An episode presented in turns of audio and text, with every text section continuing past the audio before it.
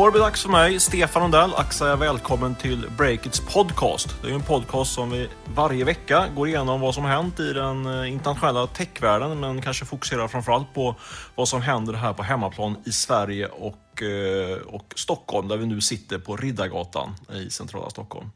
Eh, med mig, med min sida idag, har jag eh, vår eminente nyhetschef Jon Mauno Pettersson. Välkommen Jon, hur är läget? Jo men det är bra, det är bra. Fick ju hoppa in här lite sista minuten eftersom Olle har blivit sjuk, tyvärr. Men det är kul att podda. Absolut, Olle han eh, fick lämna walkover den här gången. Eh, men vi kommer att lösa det här den här gången också. Eh, kort inblick från Breakits liv och kanske också en konjunkturmätare. Det är oerhört bra fart på annonsingången, så man undrar om det är någon form av pikande högkonjunktur vi befinner oss i. Så det är kul. Mm, fast jag fick faktiskt klagomål här på min Facebook av en kontakt som hade försökt få tag i dig angående att köpa annonser och du hade inte svarat. Oj då, oj då, det börjar bli så arrogant nu. På, ja, det är på för stor för att ta emot småpengarna. Eller? Absolut. Och vi, faktum är att vi, innan vi dra igång vår ingress så skulle jag bara vilja flagga för att vi faktiskt är på jakt efter uh, ny kompetens till Breakit. Vi söker någon som vill uh, utveckla vår eventaffär. Är du den personen så är det bara att mejla mig direkt uh, på stefan.breakit.se. Kan man utveckla det någonting, eventaffären? Vad, vad ska man kunna? Eh, man ska kunna kom, förstå vad Breakit håller på med och uh, kom, kunna projektera fram nya event. Vi tror det finns en rätt stor potential där. Det har varit väldigt uppskattat de eh, få eventen vi gjort hittills mm. i vår historia. Så det är väl det. Jag kan berätta mer när personer i fråga ringer. Just det, stefanetbreakit.se Exakt, så är det. Nu ska vi inte prata för mycket om oss själva, även om jag kanske har en tendens och jag vill göra det. Jag vill istället säga att vi den här veckan kommer köra ett börsspecial i Breakits podcast. Eh, vi har tagit fram en lista på de 11 hetaste börskandidaterna bland de svenska techbolagen, exklusivt för er som lyssnar på den här podden.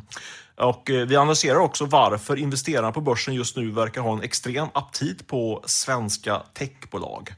Men först sammanfattar vi som vanligt eh, veckan i fem snabba. Börjar du Jon? Ja, men vi kan börja med svenska spelbolaget Paradox som kom med en stark rapport nu på morgonen. här. Eh, vinsten blev över 140 miljoner kronor på en omsättning på 235 miljoner kronor.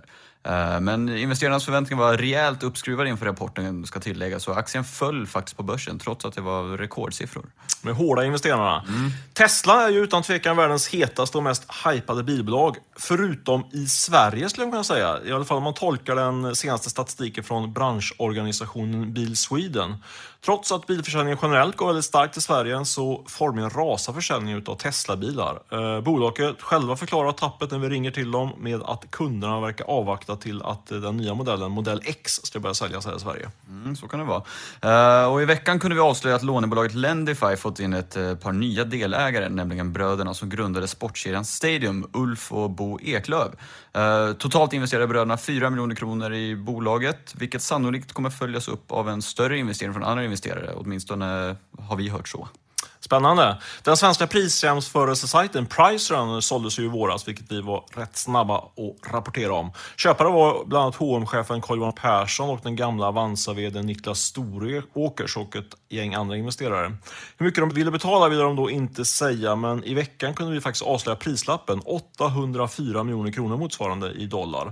Uh, nu gör Pricerunner också en rejäl nysatsning och anställer ett 30-tal nya medarbetare. Just det. Och så slutligen då, det, det händer väldigt mycket i VR-branschen just nu.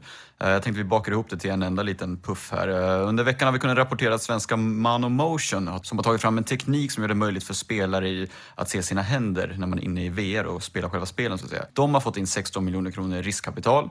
Och så har även Linköpingsbolaget Universes fyllt på sin kassa med 5,7 miljoner. Samt att Stampenbolaget Modern Woman Medias VD Emma Af Robson och Gants tidigare marknadschef Caroline Roth de har dragit igång ett eh, VR-bolag också som riktar in sig på eh, lite mer som en mediebyrå fast för VR ungefär.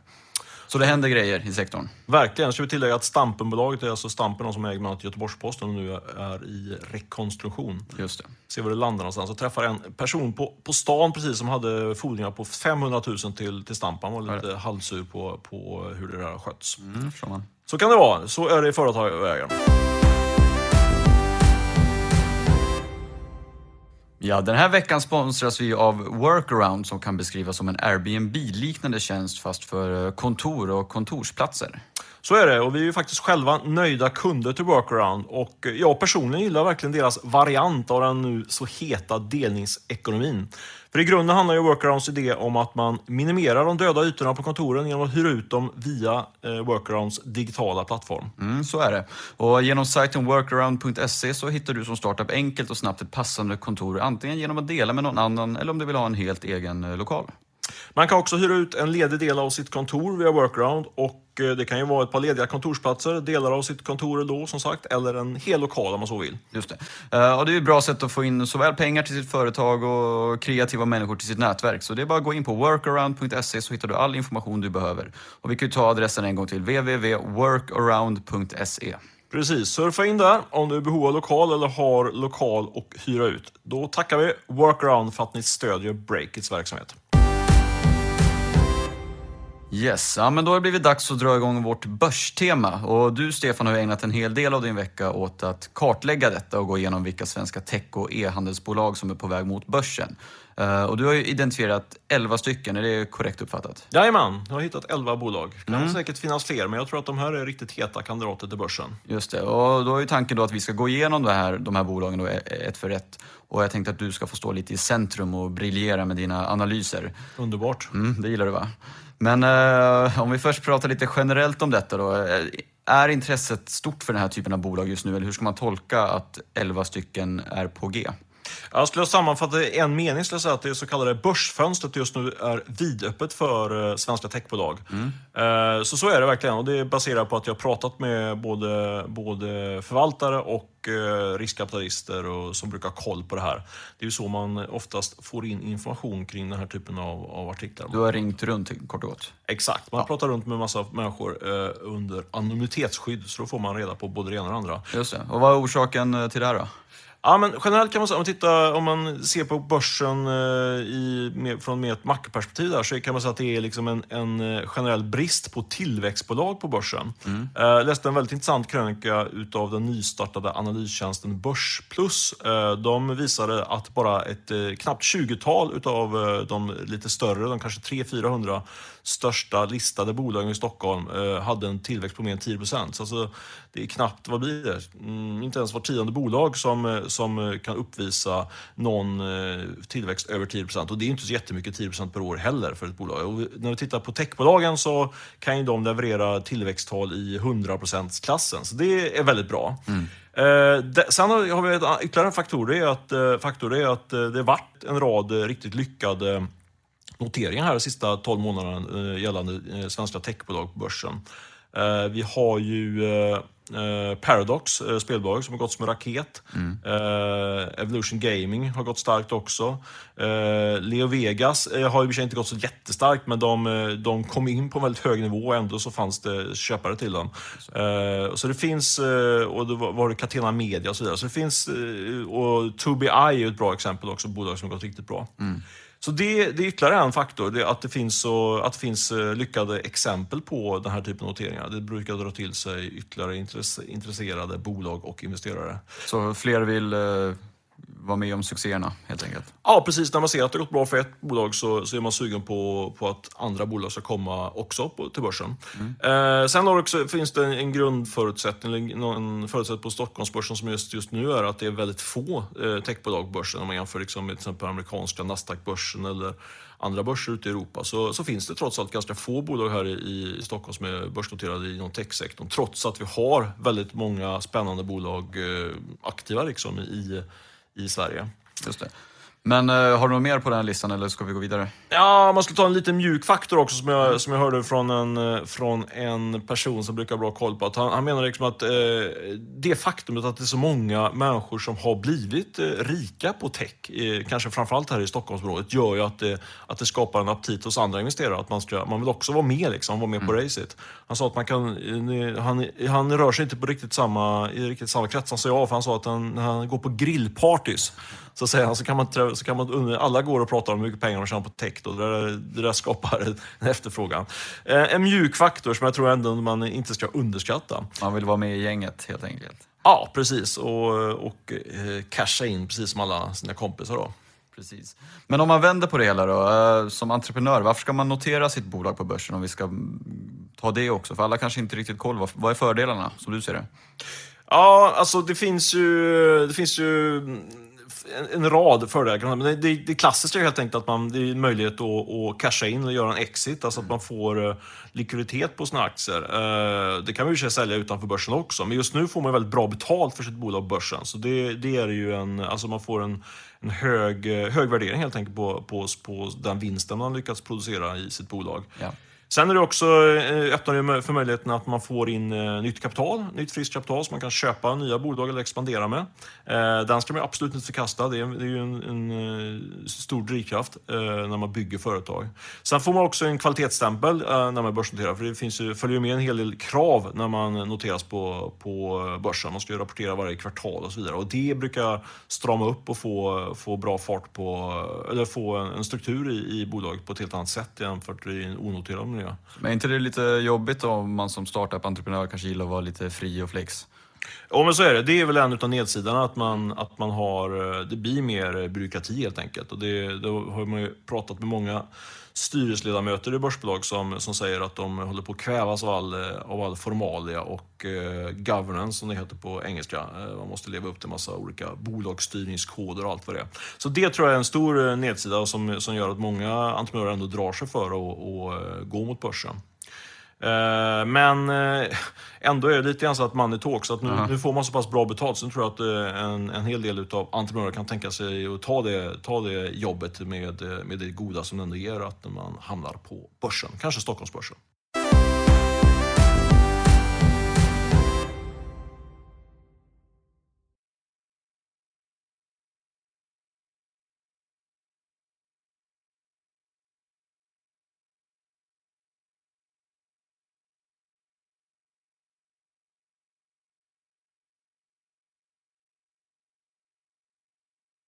Vi sponsras denna vecka av Miss Hosting, vår faktiskt allra trognaste supporter. Eh, Miss Hosting har varit med oss ända sedan starten för ett och ett halvt år sedan när vi drog igång Breakit. Och eh, lite hårdvinklat skulle man kunna säga så här att inget Miss Hosting, inget Breakit. Mm, och det är vi Miss Hosting evigt tacksamma för. Och vill du som lyssnar också supporta det vi gör på Breakit så är det ett enkelt sätt att anlita Miss Hosting när du behöver hjälp med att hosta din hemsida. Det tycker jag är verkligen en bra idé. Eh, då Då förenar man, kan man säga, nytta med nöje. Man eh, boostar oss lite grann och eh, Miss Hosting får lite payback på sitt sponsorskap här. Gå in via Breakit så kan jag också garantera att du kommer få ett riktigt prisvärt erbjudande. Gör så. Och med detta så tackar vi Miss Hosting som sponsor för denna vecka. Tack så mycket. Okej Stefan, men då är det väl dags att gå in på din stora lista då, lite mer specifikt. Eh, du hade ju 11 heta kandidater. Hur har du gjort urvalet om vi börjar där? Ja, eh, gnugga händerna här för att gå igenom alla bolagen, eh, bolag för bolag och ge lite spännande detaljer hoppas jag. Ja, eh, det är ju alltid en, en samvetsfråga hur du kom fram till det här. Men man kan säga att det, det handlar om att jag har pratat med källor med koll. Eh, och eh, i merparten av de här bolagen, de här börskandidatbolagen, vilka jag också kommer att droppa i vår lilla sammanställning, så finns det ju konkreta eh, detaljer och indicier för att man verkligen siktar på börsen. I något fall så handlar det väl mer om en, någon form av rimlighetsbedömning, att de här borde, borde passa för börsen. Just det. Ja, men vi går igenom listan då. Jag har den framför mig också. Eh, vi kan börja med den första kandidaten, Bygghemma, som alltså säljer byggvaror på nätet. Ja, men precis. Eh, Bygghemma tror jag tillsammans med, med e-handlaren Boost är de som ligger närmast eh, en börsnotering skulle jag säga. Eh, kan komma, jag skulle säga att min prognos är att de kommer redan under hösten. Bygghemma så får man väl vara transparent och, och säga att jag faktiskt redan i våras påstod att de skulle gå till börsen. Så det, det har ju försenats lite grann. Men, eh, tippar det år efter år. Och... Ja, exakt. Någon gång ska man... Det, så är det, ju med de här listorna på, på börsbolag. Men det konkreta kring Bygghemma är ändå att de anlitat investmentbanken Carnegie och eh, den processen är igång. Eh, jag pratade så sent som i, i, eh, i, i veckan då med folk som, som, som sa att så var fallet. Eh, och eh, jag tror också att eh, värderingarna för den här typen av bolag har fortsatt att ticka uppåt. Eh, det var en, en lite intressant datapunkt att Byggmax köpte då det betydligt mindre Builder här i, i våras för en väldigt hög prislapp. Eh, den kan man ju inte sätta rakt då på Bygghemma, men, eh, men eh, jag tror att det kan vara attraktivt för ägarna. Bland annat eh, Antonio Axelsson Jonsson via sitt, eh, sitt eh, investmentbolag som är storägare i Bygghemma. Vad pratar vi för börsvärde då? Det Några miljarder eller vad? Ja, någonstans där. Två miljarder plus. tror jag man kan få för det. Och, och när händer detta då? Du som alltid tror att det händer. Jag tror att det kommer att hända under, under hösten eh, och att vi förhoppningsvis får läsa det på, på Breakit först. Just det. Om vi bara hänger kvar vid Boost också då. En klädsajt med bas i Malmö, det va? Ja, precis. Ja, bas i Malmö. Kontor, hur, bolaget ligger i Malmö med sitt säte där, men eh, man, eh, hur, liksom, managementet, ledningen sitter väl i Köpenhamn om jag är rätt underrättad. De har ju väldigt bra, stark tillväxt. Eh, växer med uppåt mot eh, 50 procent i år enligt mina källor. Kommer hamna på en omsättning på runt 1,5 miljard kronor. Så de är ju, är ju liksom, börjar bli en riktigt stor spelare på den svenska marknaden. Det är bara, det, eller det är bara Zalando som är, som är större än Boost nu på, på den svenska nordiska marknaden. Och när hamnar de på börsen då?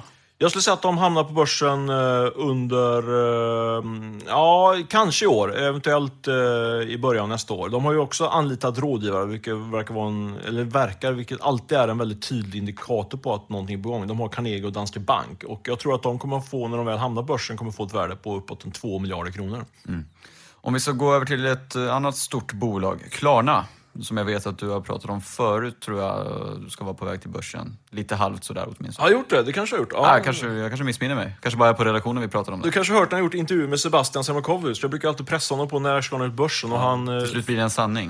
Nej, men han förnekar alltid. Han säger att vi är absolut inte intresserade av börsen. Jag har nog frågat honom om börsen. Men du tror att någonting talar för att de ska dit ändå, till slut? Ja, men precis. Eh, eh, Jag tror, eh, trots att Sebastian då eh, alltid förnekar detta, att de inte, jag tror också att det kan vara så att han inte alls är intresserad av att bli börs Men däremot så finns det ju en väldigt spridd ägarbild i Klarna eh, som innebär att, eh, och det är en hel del riskkapitalbolag som investerat där. Och de vill ju ha likviditet för, på sin investering och det innebär att de kommer att eh, sätta bolaget eh, förr eller senare skulle jag säga, på, på, eh, på börsen. Först tror jag att de måste få ordning på, eller få ordning, liksom, så här, ytterligare fart på sin eh, amerikanska verksamhet. De har ju etablerat sig där. Alltså där vill man nog ha eh, visibilitet, liksom, att det verkligen lyfter. Men sen så tror jag att det skulle kunna bli en, en, ett fantastiskt eh, populärt och framgångsrikt börsbolag faktiskt. Det är ju det är klockrent börsbolag och, och, och noteras. Det är ju, och frågan är om de hamnar i Stockholm eller om de skulle hamna i New York istället. Vi får se. Du säger förr eller senare, om vi ska välja antingen ena eller andra. Är det förr eller senare? Jag tror, jag tror att det är rimligt att tro att det kommer först 2018. Sen så har du nosat upp eh, några spelbolag också, tre stycken. THQ Nordic, FEO Media och, som står bakom Quizkampen då. Och sen MAG Interactive. Jag tänker vi bakar ihop de här så vi sparar lite tid. Eh, när och varför ska de börsnoteras? Jag tror att det är drivet ganska mycket av ja, flera saker egentligen, men framförallt är det väl att eh, Paradox har gått så otroligt bra på börsen och det har ju, alltså före, innan, innan Paradox eh, kom till börsen så tror jag att det fanns en eh, viss skeptisk mot eh, den här typen av börsbolag med tanke på att vi har sett eh, King då som, som, blev, som har sin, sin Candy Crush Saga som är en riktig sån one hit wonder men, eh, men inte lyckats hitta någon riktigt stark uppföljare. Och det, var, och det, det satte sig i börskursen innan de köptes ut nu. Då. Eh, Så där, man, man har varit lite orolig för att investera i spelbolag. Men Paradox har ju lyckats följa upp med riktigt bra eh, framgångssagor även in efter sin, sina, sina inledande succéer. Så, att säga. så det tror jag ökar aptiten för, för spelbolag. Eh, plus att jag pratar med folk så säger de att eh, de väldigt gärna skulle vilja investera i spelbolag. Eh, så, men då, då är det framförallt så här kvalitetsbolag. Då. Det finns en del spelbolag på Stockholmsbörsen som är av mindre god kvalitet får man säga. Så det, men alla de här tre kvalar in i kategorin eh, kvalitetsbolag. De har jättebra lönsamhet, ofta en eh, 30, 40, kanske 50 procents vinstmarginal.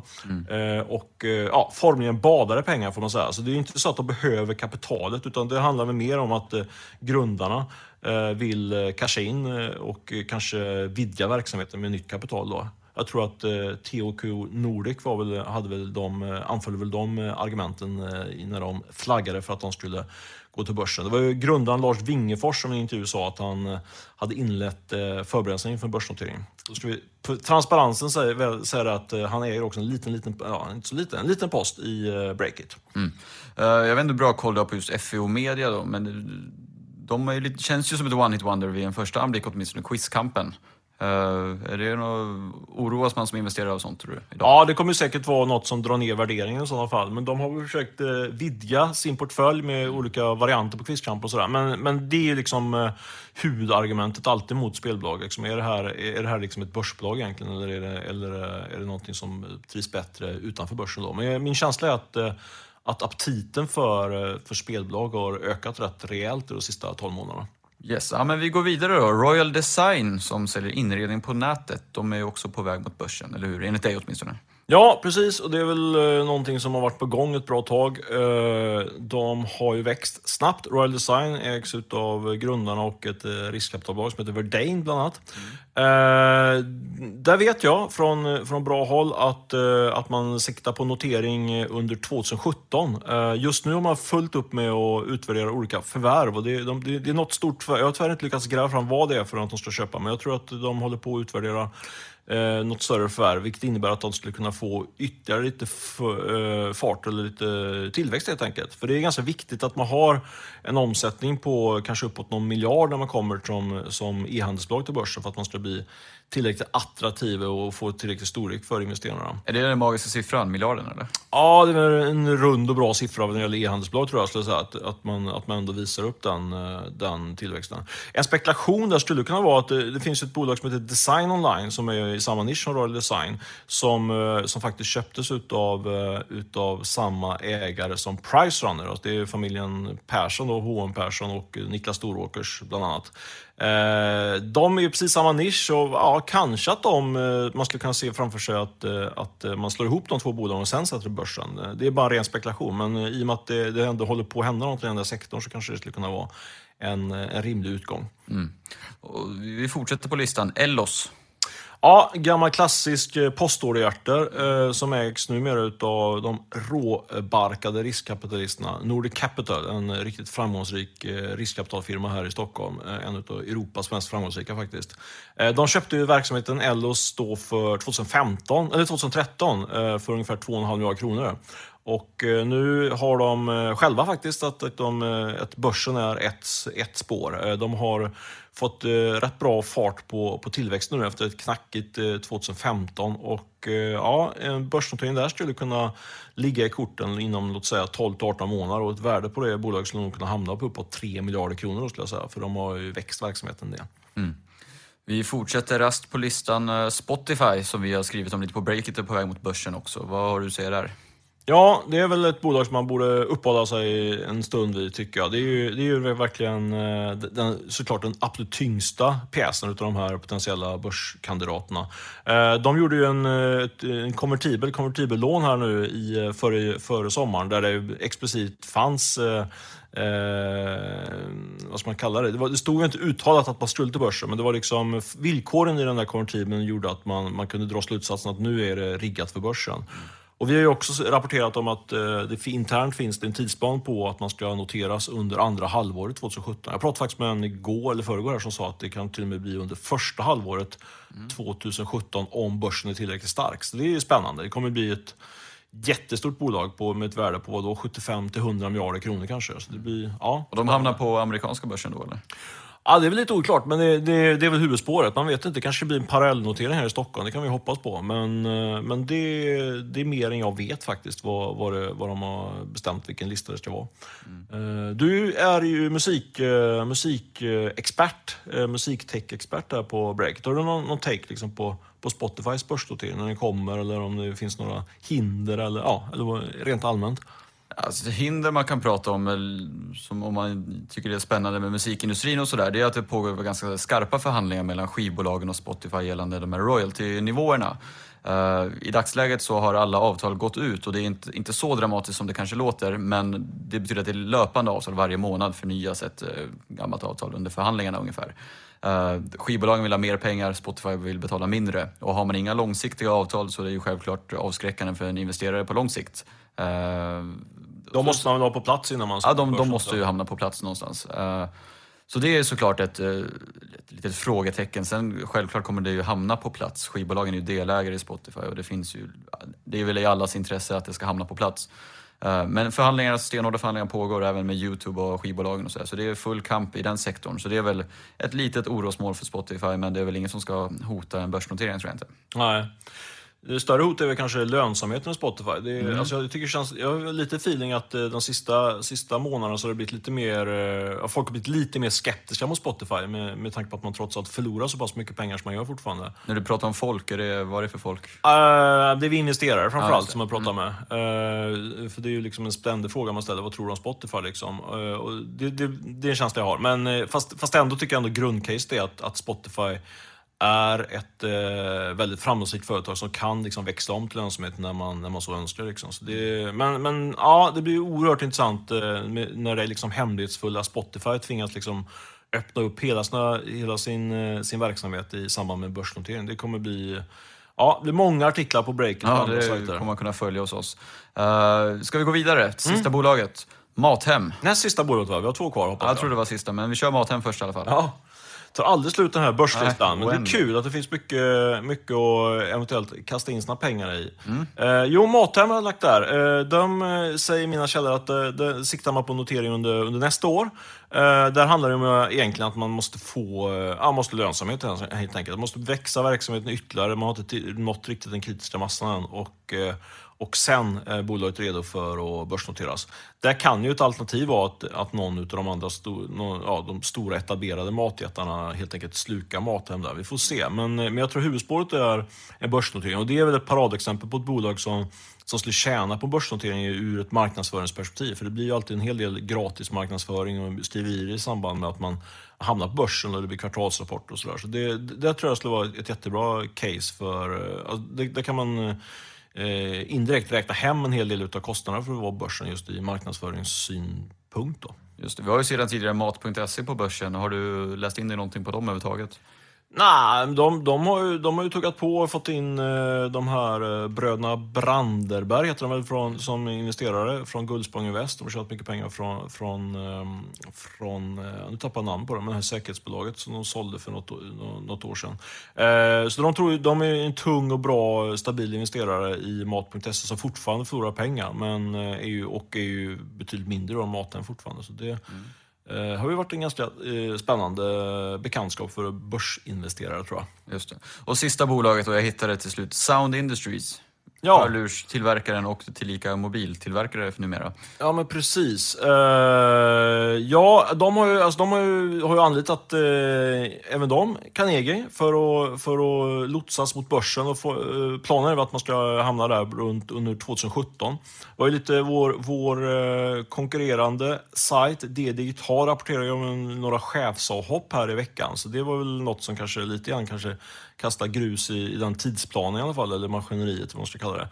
Vi får se om den profetian går in. Eh, det har ju varit många sådana i den här podden, profetier. Eh, hoppas att ni tycker att det har varit lite intressant att få inblick på några utav, får man ändå säga, Sveriges eh, mest framgångsrika techbolag och vad de kan tänkas eh, göra när det gäller kapitalanskaffning eller en börsnotering de närmaste 12 till 24 månaderna. Eh, vi ska väl med det ta och runda av här från Riddargatan i Stockholm. Vi ska innan vi gör det säga att eh, Beppo ljudproduktion eh, var med oss på länk och även kommer klippa det här avsnittet. Eh, och vi vill ju såklart att eh, ni ska eh, vara med oss under hela veckan på breakit.se. Skulle det vara så att du känner någon riktigt eh, bra, eh, eller känner någon eventkung eller eventdrottning så hör av er till mig. Annars får ni alltid höra av er till- oss också på, på eh, tipsetbreakit.se när det gäller tips om saker vi ska plocka upp och skriva om. Har du något mer att säga Jon? Nej, men följ oss på sociala medier, såklart. Facebook, Instagram, Twitter. Det, det är nog ganska lätt att hitta oss där. Vi behöver nog knappt säga namnet. Eh, nej, inte så mycket mer att säga tror jag, utan det är väl bara tack för idag. Ha det så bra så hörs vi om en vecka. Yes, ha det bra, hej!